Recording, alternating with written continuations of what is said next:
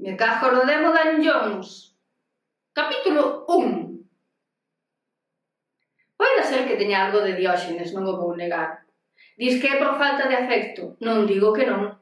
Ainda que eu creo que é máis por falta de cartos, ou no seu caso, por falta de querer gastalos. Tampouco é que collera tantas cousas. Duas cadeiras, non, tres cadeiras. Duas de madeira e unha de metal. Este era máis ben para xardín, pero eu teño entrada para deixar o bolso unha mesa de televisión destas dos 70 que tiña unha tábua de fórmica e que eu cambiei por unha de pino e que, en definitiva, convertí nunha mesa de ordenador. Un marco dun espello de forxa e porque pensei tarde que senón tería a mesiña a xogo. Unha cadeira de brazos tapizada con flores grandes, unha mesiña auxiliar que tiña as bandas de cristal fumado que tamén cambiei por tabuleiros de pino, porque acollín con moito aire disimulando a vergoña con finxida indiferencia unha xaula de pé para paxaros e unha mecedora. Non é que haxa que ter un talento especial, un pouco de agudeza para distinguir unha cousa posta a carón dun colector porque non cabe dentro, dunha cousa posta a carón do colector porque non hai onde aparcar, e a segunda fila pegada a un colector parece menos segunda fila. Isto é fundamental.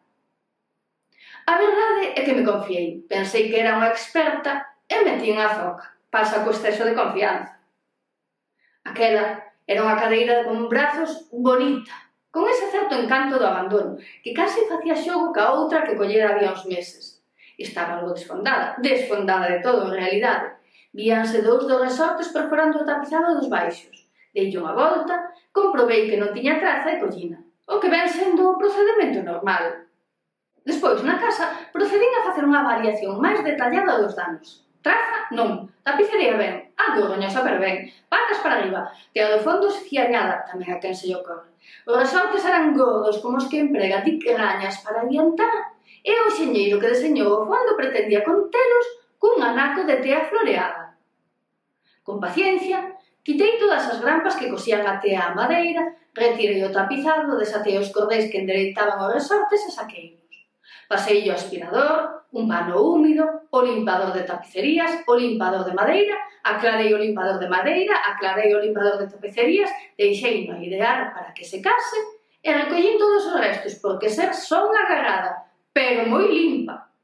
As grampas pasaron a toda velocidade polo tubo do aspirador, pero o naco de tapicería atascouse. A aspiradora tiraba con ansia, pero a condenada tea era do resistente. Ainda ia ter razón o carallo do tapiceiro. E non pasou. Veña a apagar a aspiradora, veña a tirar o anaco de tea para fora, veña a tirar e salta unha vez e non da saído. E saiu por fin e dei co cuno chan caía morregos de suor pola cara baixo e tivome que secar se queime co que tiña máis a man. O anaco de tea, claro, no xento, seino. Decateime tarde cando olín aquela mistura de pechado humidade e óxido. Deronme arrepíos E se aquel ulido non procedía exactamente do que eu deducía? E se aquela cor marrón non procedía dun tinte? E se collía a tiña? Doume en picar todo o corpo, sentín a urxencia de ir lavarme, mais non o fixen porque cando estaba mirando a tea con cara de noxo, vin que tiña algo escrito. Curiosidade gana noxo. Estendín o lenzo e recompuxen os fíos desbocados para conseguir ler con claridade o que poñía. Nin pote nin caldeiro para tío de Monteiro. Nin pote nin caldeiro para ti o de Monteiro. Repetín en alto, tiña chispa. Imaginei que sería unha especie de refrán deses que se botaban nas clases de punto de cruz tipo cando chove e quento sol, anda o demo por ferrol, ou salú a forza no cu, ou cousa fina por estilo. Calculei que estaba ali posto porque o tapiceiro era tan putre como a min, ou porque aquela non era a teo original do fondo da cadeira senón que lle puxeran na casa a modo de conxuro para espantar as meigas. Pero tiña chispa. Non fun quen de quitalo da cabeza en toda a semana. Dixen yo a Xan no traballo cando se me colou na fotocopiadora e puxo cariña de novo. Nin pote nin caldeiro para tío de Monteiro. Soltei o cabrón que me quitou o aparcamento polo que esperara con moita paciencia durante cinco minutos. Nin pote nin caldeiro para tío de Monteiro a canela da veciña que tiña o costume de virme cagar o felpudo, que sí, é un anaco de arma artificial, pero iso non a justifica. Nin pote nin caldeiro para tío de Monteiro. E tamén lle dixen a panadeira, que é moi refraneira, e a can cambiou o mentalista polo fútbol. Nin pote nin caldeiro para tío de Monteiro. Seis veces o dixen seis. Non é que lle queira poñer mala fama aos seis, é que seis veces o dixen seis en alto e a partir da sexta comenzaron a pasar cousas, cousas raras. As cadeiras movíanse todas, non só as que collera na rúa. A tele prendía e apagaba soa, sen que o fixera eu quero dicir. E o DVD gravaba os programas que non eran. O oh, desgraciado! Gravábame os documentais en lugar dos programas de laretas. As colleres cara abaixo, as potas no sitio das tixolas. Non era que non lembraron de as puxera, non. As cousas movíanse. Ben é certo que eu non as vía cambiar de sitio, nin voar polos aires, nin nada. Pero a tele prendía sola e a DVD gravaba os documentais en lugar dos programas de laretas. E estaba case completamente segura de que meter as macarons na cota, pero case completa e absolutamente segura. Ademais, de noite, non facían máis que caerme as mantas. Antes tamén, é que eu son moito de soñar con paixón, pero que daquela caían, non sei, doutra maneira. Toleaches, dixo Bego mirándome por riba das gafas. Toleaches de vez, esa Don Quixote da prensa rosa, xa xo teño dito.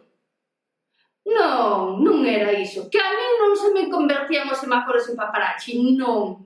A min movíanse máis cousas do sitio. Expliqueille con moita claridade todo o do tapiz ca misteriosa mensaxe. Ah, vaya, que non era Don Quixote, que era o código tapichi exclamou Bego cun sorriso retranqueiro. Tiven que poñerme seria. Convidei na xantaría e me custar unha pizza, pero ben pagaba a pena se lle demostraba que era certo que me estaba comezando a molestar a súa retranca. De camiño a casa, doume por pensar que igual todo fora froito da miña imaginación, que ia facer un ridículo inmenso. Botei man unhas cantas veces do se non podes da igual, pero vego que algo me coñece.